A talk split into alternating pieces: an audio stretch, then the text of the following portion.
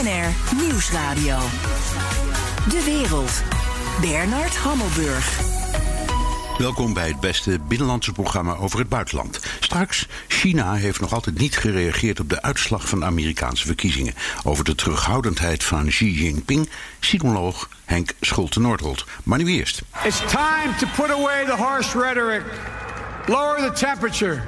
See each other again. Listen to each other again. We have to stop treating our opponents as our enemies. They are not our enemies, they are Americans. Joe Biden roept bij iedere gelegenheid op tot eenheid in Amerika. Hij hoopt dat hij de man is die de gapende kloof tussen Democraten en Republikeinen kan dichten. Is dat wensdenken? Ik praat erover met Ian Burma, journalist en schrijver van onder andere het nieuwe boek Het Churchill Complex, hier vanuit New York. Welkom in het programma. Hartelijk dank. Ja.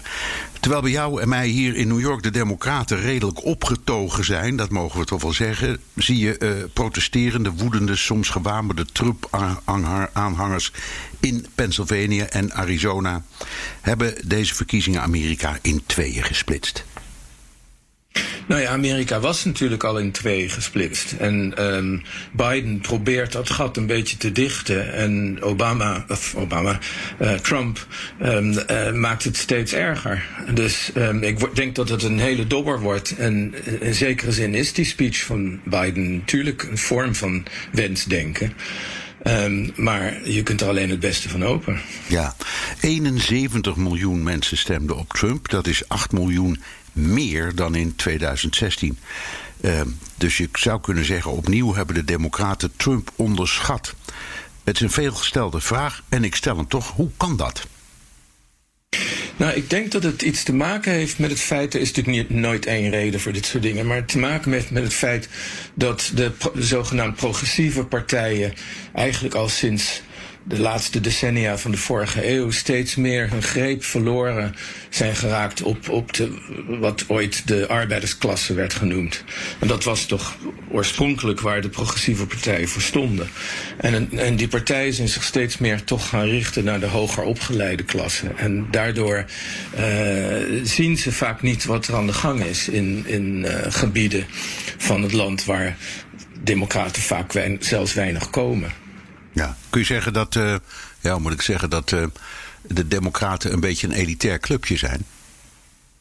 Een beetje wel, ja. En, en, um, en hebben zich daarmee ook toegelegd op op zaken waar eh, de, de lager opgeleide mensen meestal niet zoveel voeling mee hebben en niet, niet zoveel belangstelling. Dus het eindeloos hameren op uh, zaken als rassenongelijkheid, gender, seksualiteit en zo, die op zichzelf belangrijk zijn, maar dat zijn niet de dingen die echt aanslaan in, op, op, het platteland of in oude industriewijken waar de meeste mensen hun banen kwijt zijn geraakt. Ja, en, en, en voelen Amerikanen zich dus beter vertegenwoordigd? Door uh, een rijke New Yorkse zakenman dan door uh, Uncle Joe uit Scranton? Nou ja, het, feit dat, dat uh, Trump rijk was, dat was nooit zo'n belangrijk punt voor, voor zijn aanhangers. Het was meer dat hij kon hun uh, gevoelens van, van rancune en ressentiment, vooral tegen de elites, heel goed verwoorden, omdat hij die zelf ook eigenlijk voelde. Hij, hij, komt uit een, een, nogal louche milieu, werd vaak in de nek gekeken door uh, deftigere kringen in New York, en, en heeft zelf ook die, die, die, die rancune en is daarom een hele goede woordvoerder daarvan. Ja, even over zijn strategie. Hij, hij weigert zijn verlies te erkennen. Hij blijft roepen dat er uh, fraude is gepleegd. Er zijn door het hele land rechtszaken gestart. Uh, tot nu toe nog met niet zoveel succes. Wat hoopt hij nou te bereiken? Want hij weet, mag ik aannemen, dat die uitslag toch niet meer verandert als je gewoon wiskundig naar de cijfers kijkt. Ik denk inderdaad dat zelfs Trump zelf, maar je weet nooit wat er in, zich in dat hoofd afspeelt. Maar dat Trump zelf niet serieus kan denken dat hij het nog zal redden. Je, weet het nooit.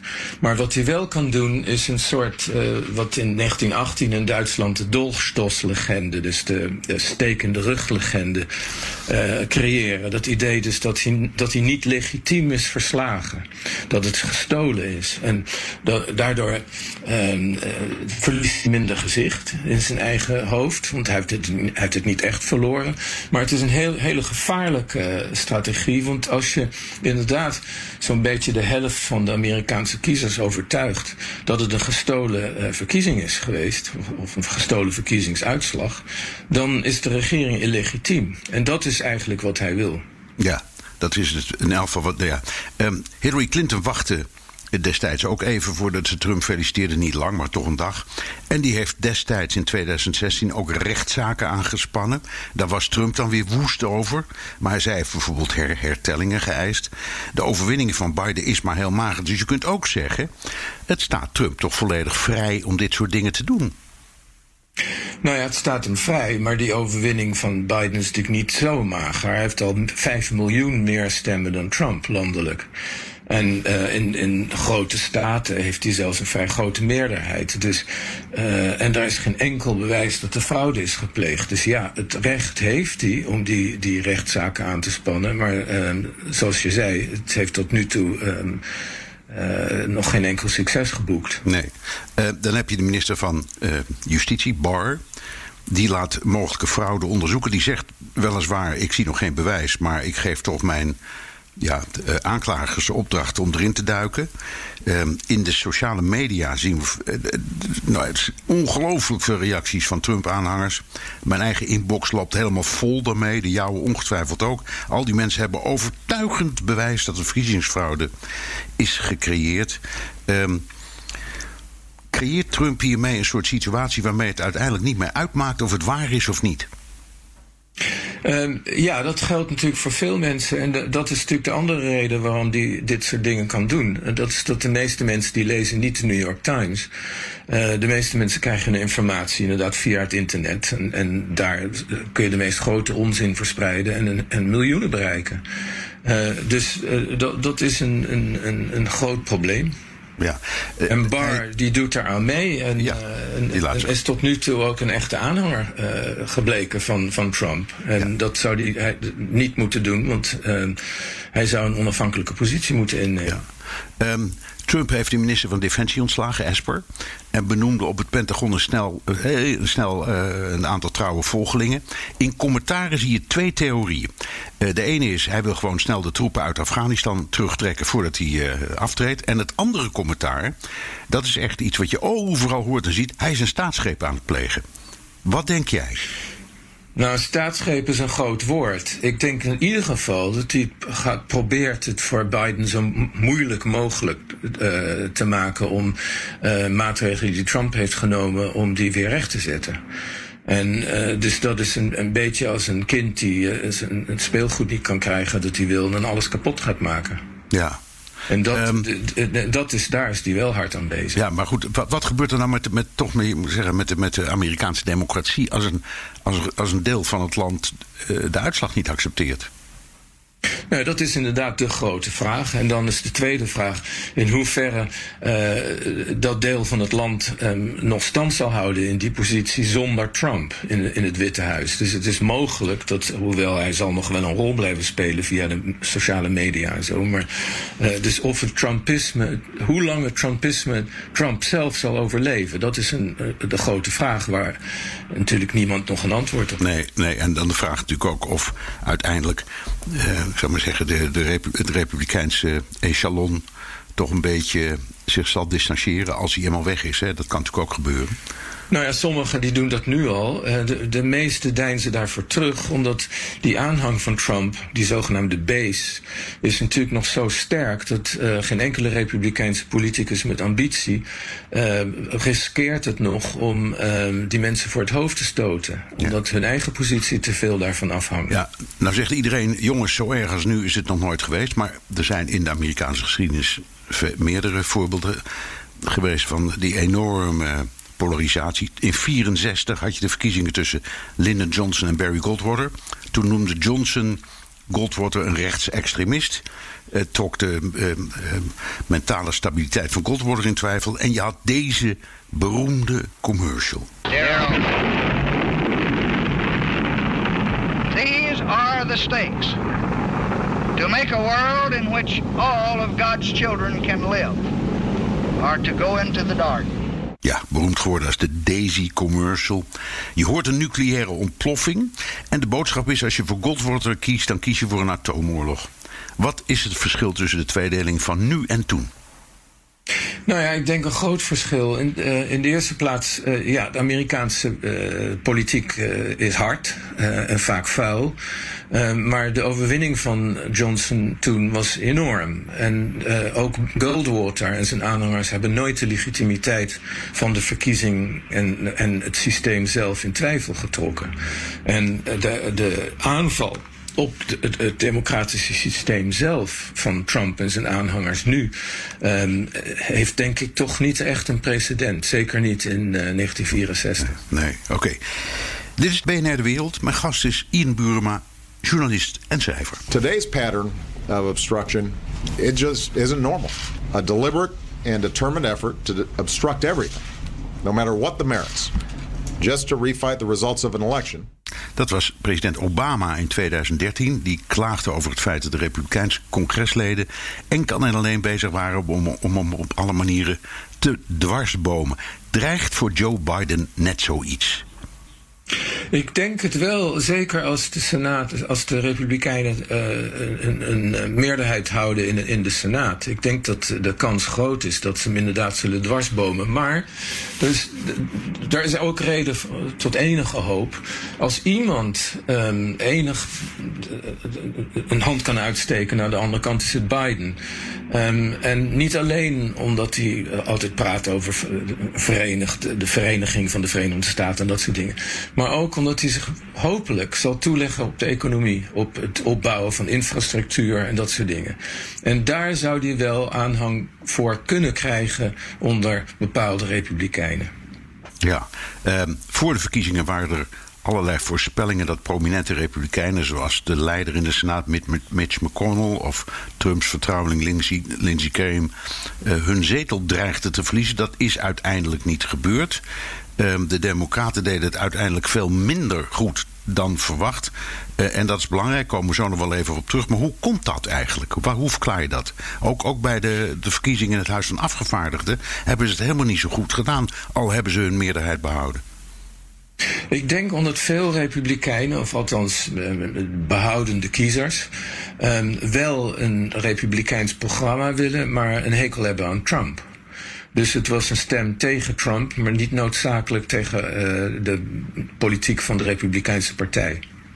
Nee, nee, dus laten we zeggen, de ideologie die samenhangt met het Trumpisme, die omarmen ze wel.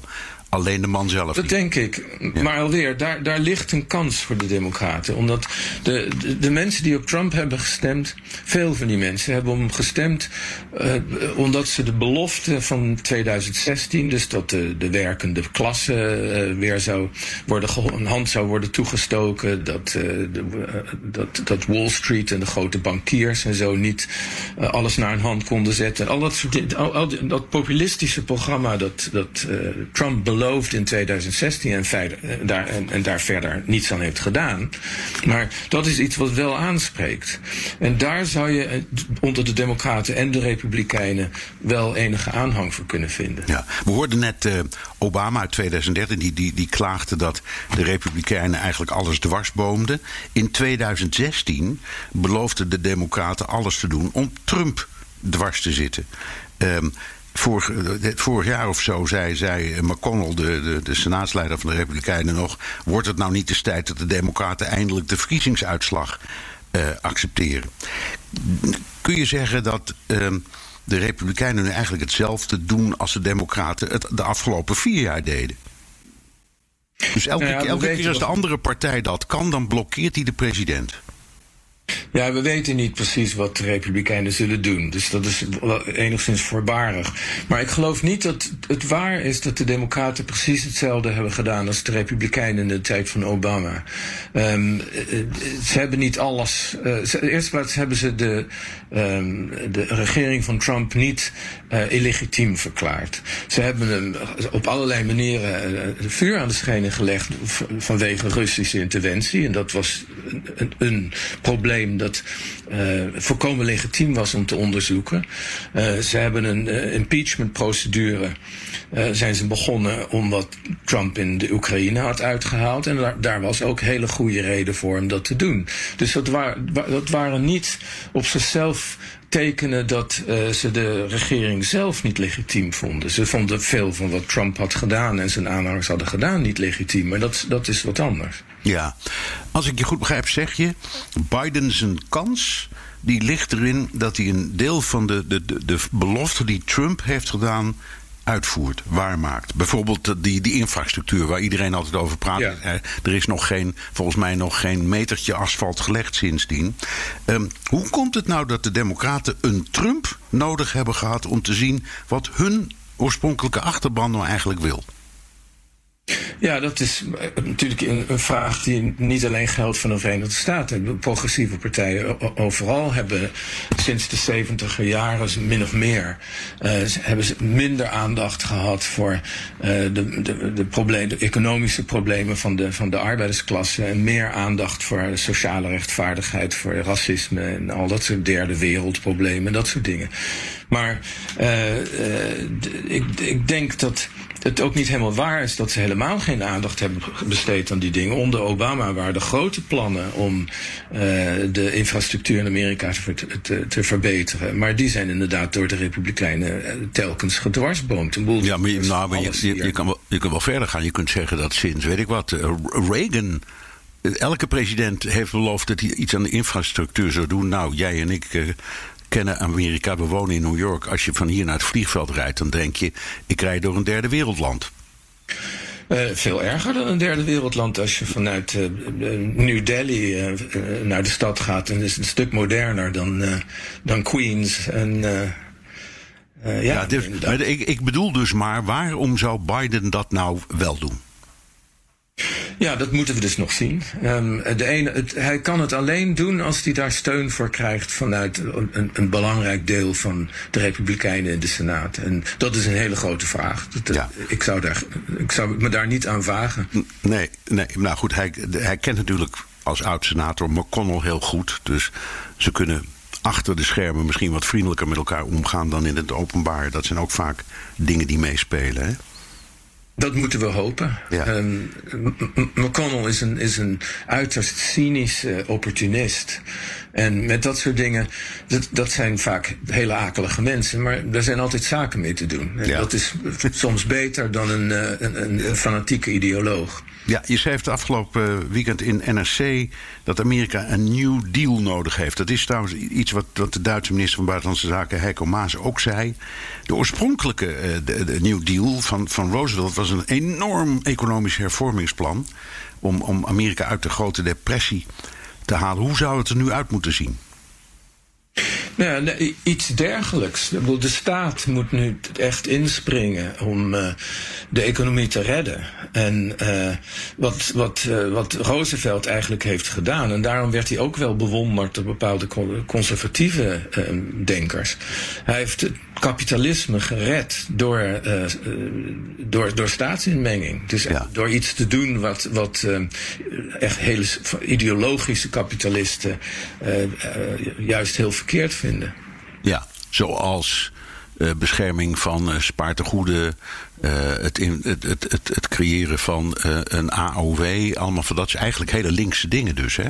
Ja, ja, en, en ik denk dat die nodig zijn om, om juist om het kapitalistische systeem in Amerika uh, weer een beetje overeind te houden. Ja, nou, nou, nou noemt Biden allerlei dingen. Je had het over infrastructuur. Hij wil ook enorm investeren in de Amerikaanse industrie, de auto-industrie. Toch altijd een, een, een klassieker in het Amerikaanse economische denken. Die krijgt ook uh, een, een, een extra impuls. Is dat het soort dingen wat hij moet doen om zo'n soort New Deal te, te, te realiseren? Ja, ik denk dat dat er zeker een deel van uitmaakt. Hij moet ook zorgen dat de gezondheidszorg uh, hier een stuk beter wordt. Ja, wat dat betreft uh, heeft hij en, tot nu toe de wind een beetje mee. Want het, het, het Hoge Rechtshof lijkt niet van plan om Obamacare weg te tikken, hè? Niet helemaal weg te tikken. Nee, wel een deel daarvan, waardoor het weer moeilijker wordt. Maar in ieder, in ieder geval niet op te doeken. Nee, dus wat dat betreft heeft hij. Um, even iets, ja, daar hadden we het toen we elkaar vorige keer uh, spraken. Uh, zei je: Amerika is geen land meer waar je heen wil vluchten als het misgaat. Vind je dat nu nog steeds? Nou ja, als ik uh, in een, onder een dictatuur leefde en ik moest ergens naartoe, dan, dan liever naar het Amerika onder Joe Biden uh, dan het Amerika onder Trump. onder Trump was ik er waarschijnlijk überhaupt niet ingekomen. dus als de vraag is, voel ik me nu wat, wat gemakkelijker om hier te wonen de volgende vier jaar onder de nieuwe president, of hopelijk de nieuwe president, dan is mijn antwoord ja. ja. Dus je blijft ook? Ik blijf voorlopig, ja. Ja, en dat is ook iets, tenslotte moeten we aan, ook aan denken. We kijken naar Amerika wel op een hele aparte manier, maar het is ook het eerste land dat klaarblijkelijk een vaccin heeft ontwikkeld. Het is het land met de meeste Nobelprijswinnaars ter wereld. Het is het land van cola, van, uh, van gymschoenen. Van, uh, er is onvoorstelbaar veel gepresteerd in dit land. Hebben we niet te benauwd of te vernauwend gekeken de afgelopen tijd naar wat Amerika eigenlijk is? Ja, of ik die cola zou rekenen tot een van de grote um, prestaties van uh, de mensheid, dat weet ik niet. Maar um, inderdaad, het, het, is makkelijk om Amerika te onderschatten. En het is ook weer waar dat uh, de, de, Verenigde Staten is de eerste democratie die um, een, een, populistische demagoog met succes, hopen we, heeft weggestemd. Dat is in Hongarije en Polen nog niet gelukt. Um, maar hier wel. Dus wat dat betreft uh, zou Amerika weer een voorbeeld uh, kunnen zijn. Ja, dank. Ian Burma, journalist en schrijver van onder andere het nieuwe boek Het Churchill-complex. BNR Nieuwsradio. De wereld. Bernard Hammelburg. Terwijl de toekomstige president Biden druk bezig is zijn kabinet vorm te geven, blijft de huidige president Trump liever even uit zicht. De Joe en Donald Show. BNR-correspondent Jan Postma in Washington praat ons bij over de nasleep van de Amerikaanse verkiezingen. Jan, we zien Trump amper en we horen hem alleen via Twitter. Hoe gaat het eigenlijk met hem? Nou, als je alle bronnen en verhalen naleest, naast elkaar legt, eh, dan hoor je een paar dingen terugkomen. De eerste is, hij is helemaal alleen. Uh, door nieuwe coronabesmettingen in het Witte Huis werkt bijna iedereen thuis. Dus hij zit uh, vaak wel in het Oval Office, maar er is dan niemand. De drukte van normaal, die is er niet. Hij belt veel met vrienden, zoals Sean Hannity van Fox News, Republikeinse gouverneurs. hij werkt niet echt meer. hij heeft geen intelligence briefings bijvoorbeeld meer waar hij naartoe gaat. Zijn openbare schema waar niet alles op staat, maar waar we een beetje kan zien wat hij allemaal doet. Uh, dat is eigenlijk ook al dagen. En hij kijkt heel veel tv. In dat kleine eetkamertje naast het Oval Office, daar hangt een enorme flatscreen en daar zit hij. En de ene dag zegt hij nog te kunnen winnen en de volgende dag lijkt hij dan te erkennen dat het toch echt niet meer gaat lukken. En volgens medewerkers lijkt het soms alsof hij vooral voor de bühne nog doorvecht, eh, maar eigenlijk ook wel een uh, beetje beter weet. Maar niemand durft hem uiteindelijk te zeggen, ja, je moet er misschien maar mee ophouden. mensen zijn achter zijn rug om wel cv's aan het updaten uh, maar uh, verder blijft het een beetje, een beetje stil. En, en is het eigenlijk wachten tot de storm Trump uh, een beetje uitgeraasd is. Ja, ja ik, ik hoorde net een heel gek verhaal dat de, de, de HR-manager dus van personeelszaken, dat die uh, uh, mensen met hel en verdoemenis dreigt als hij erachter komt dat ze aan het solliciteren ja. zijn. Ja, precies. Het is een soort Hotel California geworden, ja. Bernard. Als je inderdaad solliciteert, dan ben je sowieso je baan kwijt. Dus het is ja. heel, uh, heel, heel voorzichtig doet iedereen. Okay. Vanuit huis. Wa ja, wat is Trumps plan op dit moment? Ja, dat is uh, niet duidelijk. Daar wachten we natuurlijk allemaal op. Maar er is nog een mogelijk uh, juridi juridisch scenario... waar hij nou ja, door rechtszaken de deadlines van de staten eigenlijk een beetje kan, kan laten verlopen. Dat de staten te laat zijn met hun uitslagen. Dat, dat zou een manier kunnen zijn. En dan zouden republikeinse bestuurders in die staten ervoor moeten zorgen... dat de kiesmannen van die staten dan tegen de uitslag in eigenlijk voor Trump gaan, gaan stemmen. Maar je ziet ook meteen, daar is eigenlijk niemand enthousiast over. Het zal juridisch waarschijnlijk ook weer een heel getouwd worden. Uh, Pennsylvania heeft al aangegeven dat ze dat niet willen. Nou ja, dat is de belangrijkste al. Dus dan zijn er nog een paar alternatieven. Um, eentje die vandaag weer de kop opduikt. dat is wel, vind ik, een hele interessante. Um, dat hij weer een alternatief mediakanaal op wil starten. Dat zou dan iets digitaals moeten zijn, een soort Trump TV. Dat zou dan een grote concurrent van Fox News worden. En er wordt al gezegd, dan zou hij alle persoonsgegevens die hij heeft verzameld, na jarenlang campagne voeren, al die e-mails, die zou hij daarvoor kunnen gebruiken. Dat is natuurlijk wel een enorm voordeel als je zoiets nieuws start. En ja, we hebben het er in onze podcast ook al vaak over gehad, Bernard. 2024, dat blijft ook maar voorbij komen. Als het dan dit jaar niet lukt, dan over vier jaar maar. Ja, en behalve Hannity hoort Fox News nu ook bij de vijand, hè? begrijp ik. Ja, precies. Dat is echt uh, flinke ruzie inmiddels. Ja. ja. Oké, we horen dat de transitie wordt tegengehouden. En dat heeft soms hele gekke gevolgen. Zo geeft het ministerie van Buitenlandse Zaken felicitaties niet door aan Biden. Ja, dat, dat vond ik wel een mooi detail. Want we hebben van allerlei dingen al gehoord. Natuurlijk het geld dat Biden niet krijgt. Bepaalde uh, security clearances die niet uh, gegeven kunnen worden. Dat bepaalde dingen even op pauze staan. Maar dit is een hele, hele praktische wat er dan gebeurt. Er zijn natuurlijk allerlei landen die felicitaties willen sturen. Hebben dat ook gedaan. Uh, normaal bel je dan of, of, of, mail je dan naar het State Department. Die geven dat door aan de kandidaat. en nu gebeurt dat dus niet. Dus er ligt een hele stapel brieven daar op het State Department. Die nooit zijn aangekomen. En ondertussen proberen al die landen dus om dat State Department heen dan maar rechtstreeks met de campagne contact te zoeken. Dat lukt ook, horen we. En het deed mij een beetje denken aan 2016. Toen was uh, Trump uh, moeilijk te bereiken. Maar toen was het juist andersom. Dat het State Department geen contact met hem kon krijgen. En niemand eigenlijk precies wist waar hij moest zijn. Uh, nu is het dus andersom. En, en nog even voor de duidelijkheid. Biden belt dus wel al met allerlei regeringsleiders. Maar dat zijn geen inhoudelijke gesprekken. Dat zijn alleen echt de felicitaties. Ja, ja. Nou ja, maar daar, daar gaan we direct ook wel wat meer over praten. Maar het feit dat hij belt met een Merkel een Macron is natuurlijk toch een politiek signaal. Hè? Al, al zeggen ja, ze niks, zou ik maar zeggen. Nee, inderdaad. Maar ik hoorde allemaal mensen zeggen van wacht eens eventjes. Hier werd Michael Flynn uh, voor, voor opgepakt voor dit soort dingen. Uh, dit, ja. dit, dit, zijn gesprekken die vaak zelfs ja, niet via een veilige lijn gaan. Ja. Ondertussen gaat Biden door uh, uh, met ja, wat een, een, een gekozen president doet. Stafchef gekozen inmiddels. Ja, ja en dat, uh, nou, dat is toch wel weer leuk. Want dat is natuurlijk na de, de, de vicepresident... is dat eigenlijk misschien wel de belangrijkste keuze... die hij uh, die die zo'n beetje kan maken. Uh, dit is de persoon die, die altijd bij hem gaat zijn... die de deur open of dicht doet voor je. Een soort poortwachter. De man die ook de agenda van de president bepaalt. Nou, het is Ron Klein geworden. En dat is dan weer geen verrassing. Hier moet er een beetje aan gaan wennen, denk ik, Bernard. Dit, dit worden alle, het is een hele, ja, hele logische keuze... die je eigenlijk al aan had zien komen. Uh, deze man werkte al voor Biden sinds 1989, toen hij uh, senator was nog. Hij was ook stafchef toen Biden vicepresident was. Uh, hij is eigenlijk altijd wel een beetje in de buurt geweest met tussenpozen. En ook belangrijk, hij is de voormalig ebola-tsaar van Obama. En dat is natuurlijk wel ervaring die zou van pas kunnen komen nu tijdens ja. corona. En één dingetje wat dan wel opvalt, want het voelt verder als een perfect huwelijk tussen deze twee. Biden en Klein die hadden een beetje ruzie toen die Klein wel vrij snel naar de Clinton-campagne vertrok.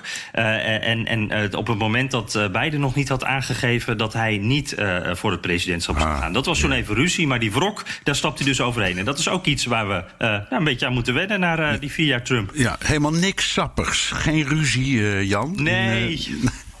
Nee, precies. Dat, dat ene kleine ruzietje, dat is het. En het is dus de kandidaat die iedereen van mijlenver aan zag komen. En nou ja, zal je zien dat deze meneer er ook veel langer zit dan de stafchefs van uh, Donald Trump. Dus uh, dit zijn nieuwe tijden, Bernard. Ja, nou, dankjewel. Jan Posma, correspondent in Washington. Wilt u meer horen over dat fascinerende land? Luister dan naar de Amerika-podcast van Jan en mij. Net zijn vijftigste aflevering.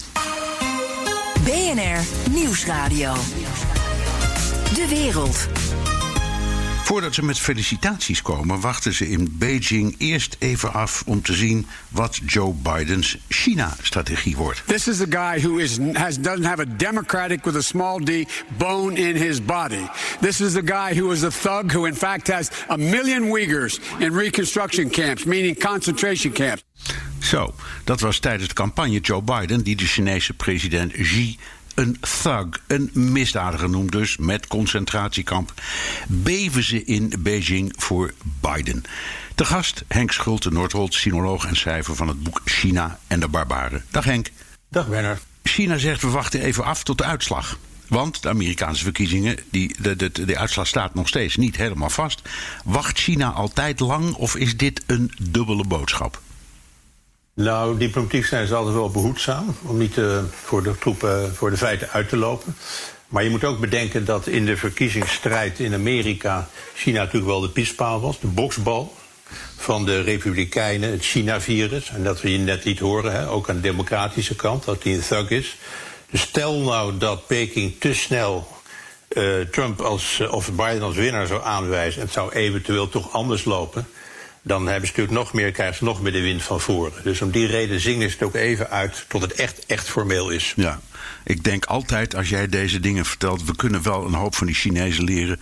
Want wachten en rustig aandoen, dat zit echt in hun DNA. Hè? Wij hebben altijd zo'n haast met alles. Ja, zeker. Het lange termijn plannen. Hè?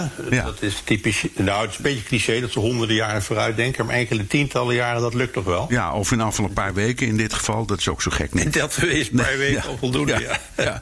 Oké, er zijn geen felicitaties. Maar wat zijn nou de eerste geluiden uit eh, China?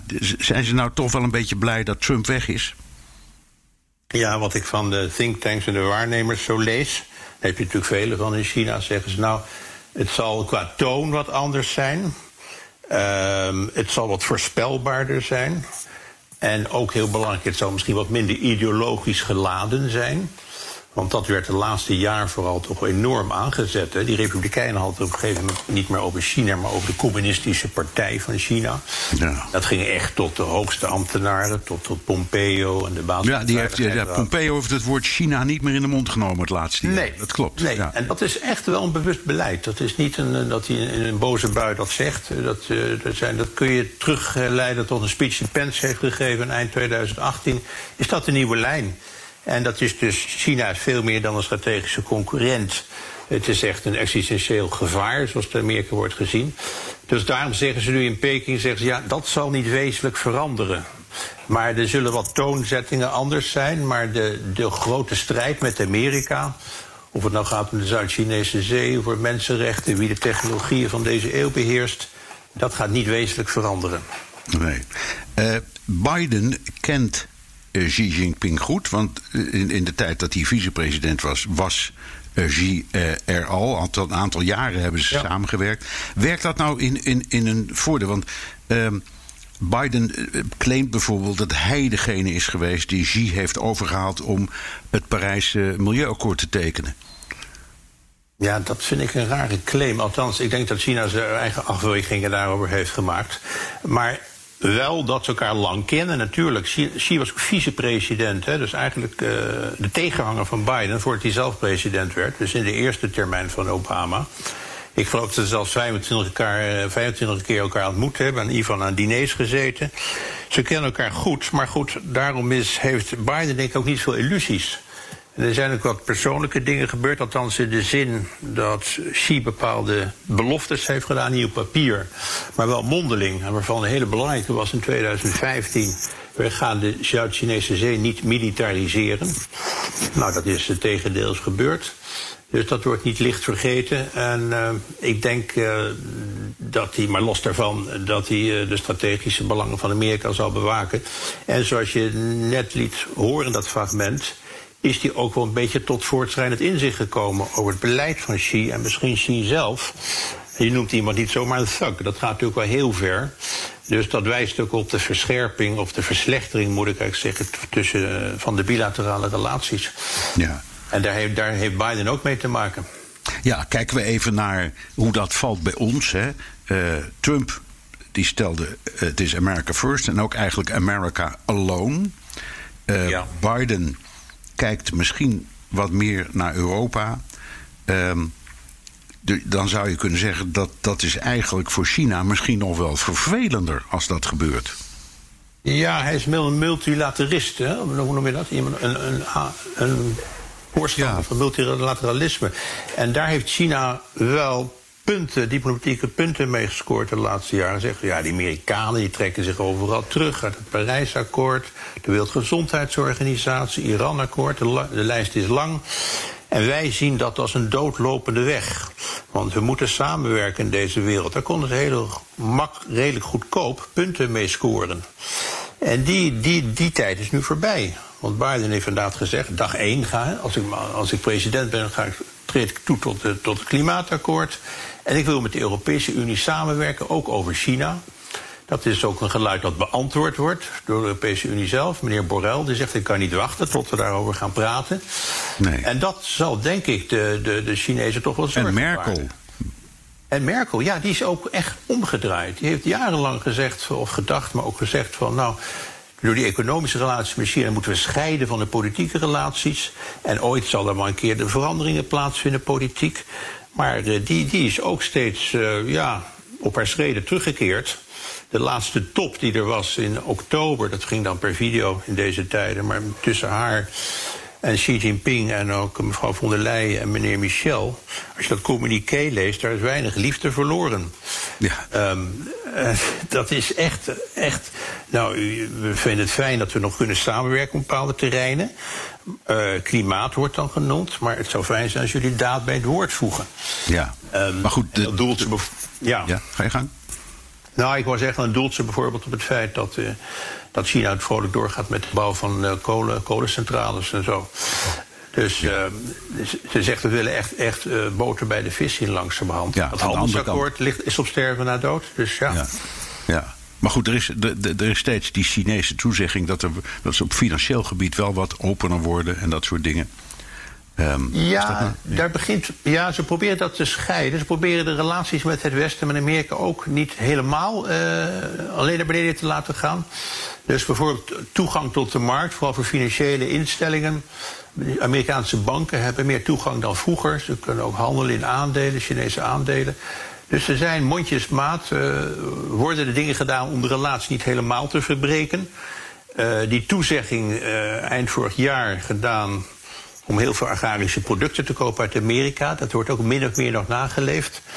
Ehm, maar goed, structureel, dat zijn, dat zijn dingen die de Chinese overheid doet. Maar wat Europeanen en Amerikanen graag willen... is dat er structureel een gelijk speelveld ontstaat Ja. op die Chinese markt. Gaat dat zit er voorlopig niet in. Nee, gaat op het internet overigens een geweldig eh, filmpje rond. Dat heb je misschien gezien. Dan zie je iemand met zo'n Trump-petje, Make America Great Again, zo'n MAGA-petje. En dan zoomt de Ja. camera in naar de binnenkant en er staat Made in China. Dat vond ik wel heel. ja, precies. Heel, nou, dat vertelt wel een verhaal, toch? Dat vertelt het hele verhaal. Ja, en onder Trump zijn al die, die, die, die blue-collar banen. Hè, dat- was een van zijn grote agendapunten vier jaar geleden. Die ga ik terughalen. Ik ga die werkgelegenheid in die Rust Belt states, die, die, waardoor die gewonnen had. Dus Michigan en Pennsylvania en Wisconsin. Ja, Ohio heeft dan wel gewonnen dit keer, maar de andere drie die ik net noemde niet.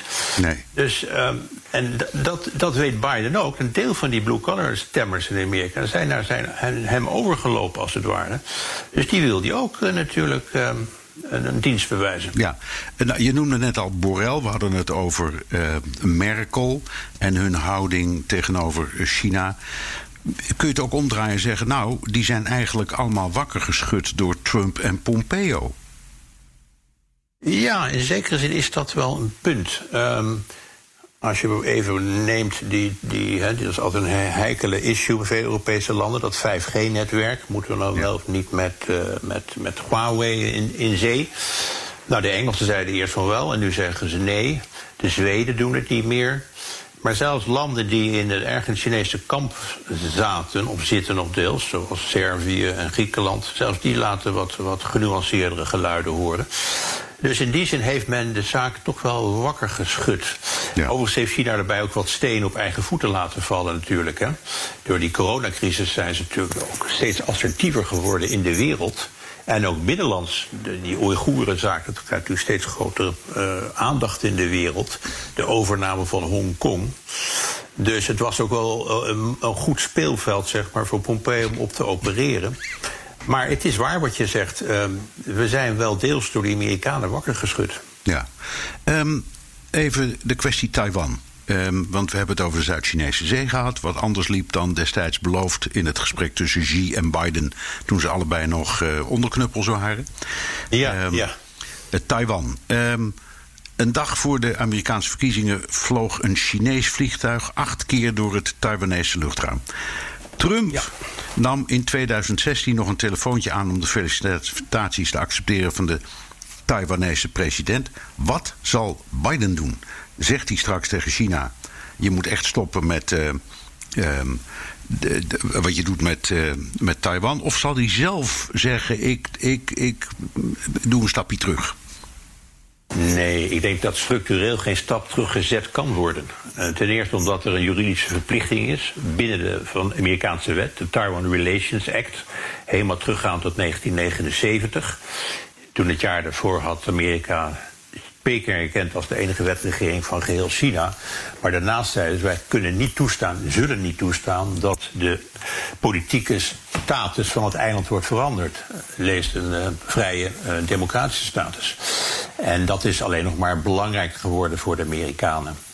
Ja. Dus ik denk niet dat hij dat kan opofferen. 23 miljoen mensen die in vrijheid leven... aan de grote strategische ideologische rivaal. Nee, maar er is ook een kwestie van je toon en wat je doet. Trump heeft daar echt destijds een act van gemaakt. Ik ga nu heel bewust dat beleid doorbreken. Ik ga gewoon praten met de Taiwanese eh, president openlijk. En die is wat mij betreft ook welkom. En er zijn eh, een paar wapendeals gete- getekend, nog heel recent. Als je ernaar kijkt zijn het niet zulke bijzondere wapens, maar toch.